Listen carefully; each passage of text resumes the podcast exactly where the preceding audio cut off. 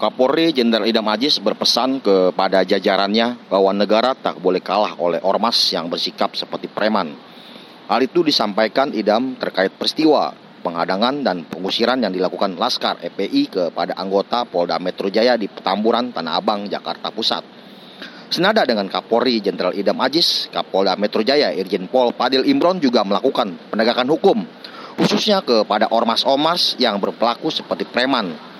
Palil Imron menegaskan, negara tidak boleh kalah oleh preman. Radikalisme dan semua ormas yang berperilaku seperti preman akan ditindak tegas untuk menciptakan Jakarta yang aman dan terkendali.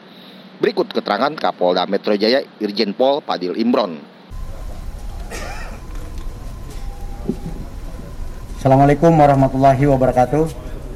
Selamat sore rekan-rekan semuanya.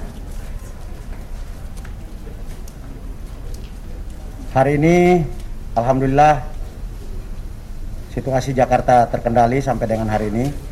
Kami akan terus melakukan penegakan hukum khususnya terhadap ormas-ormas yang berperilaku seperti preman ya. Negara ini tidak boleh kalah dengan premanisme, radikalisme dan intoleransi dan semua ormas yang berperilaku seperti preman akan kami tindak tegas.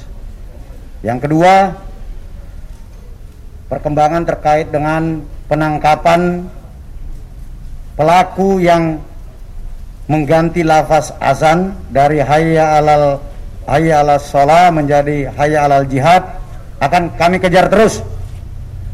Mau sembunyi lubang tikus juga akan saya kejar. Terima kasih. Selain itu, Kap Kapolda juga akan mengejar pelaku yang merubah lapas ajan yang viral di media sosial. Sebelumnya, Polda Metro Jaya sudah menangkap satu orang pelaku inisial H yang menyebar video ajan secara masif di media sosial. Pelaku H ditangkap di rumahnya di Cakung, Jakarta Timur.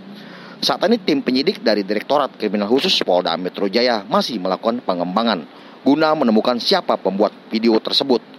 Dari Polda Metro Jaya, Edi Soroso melaporkan.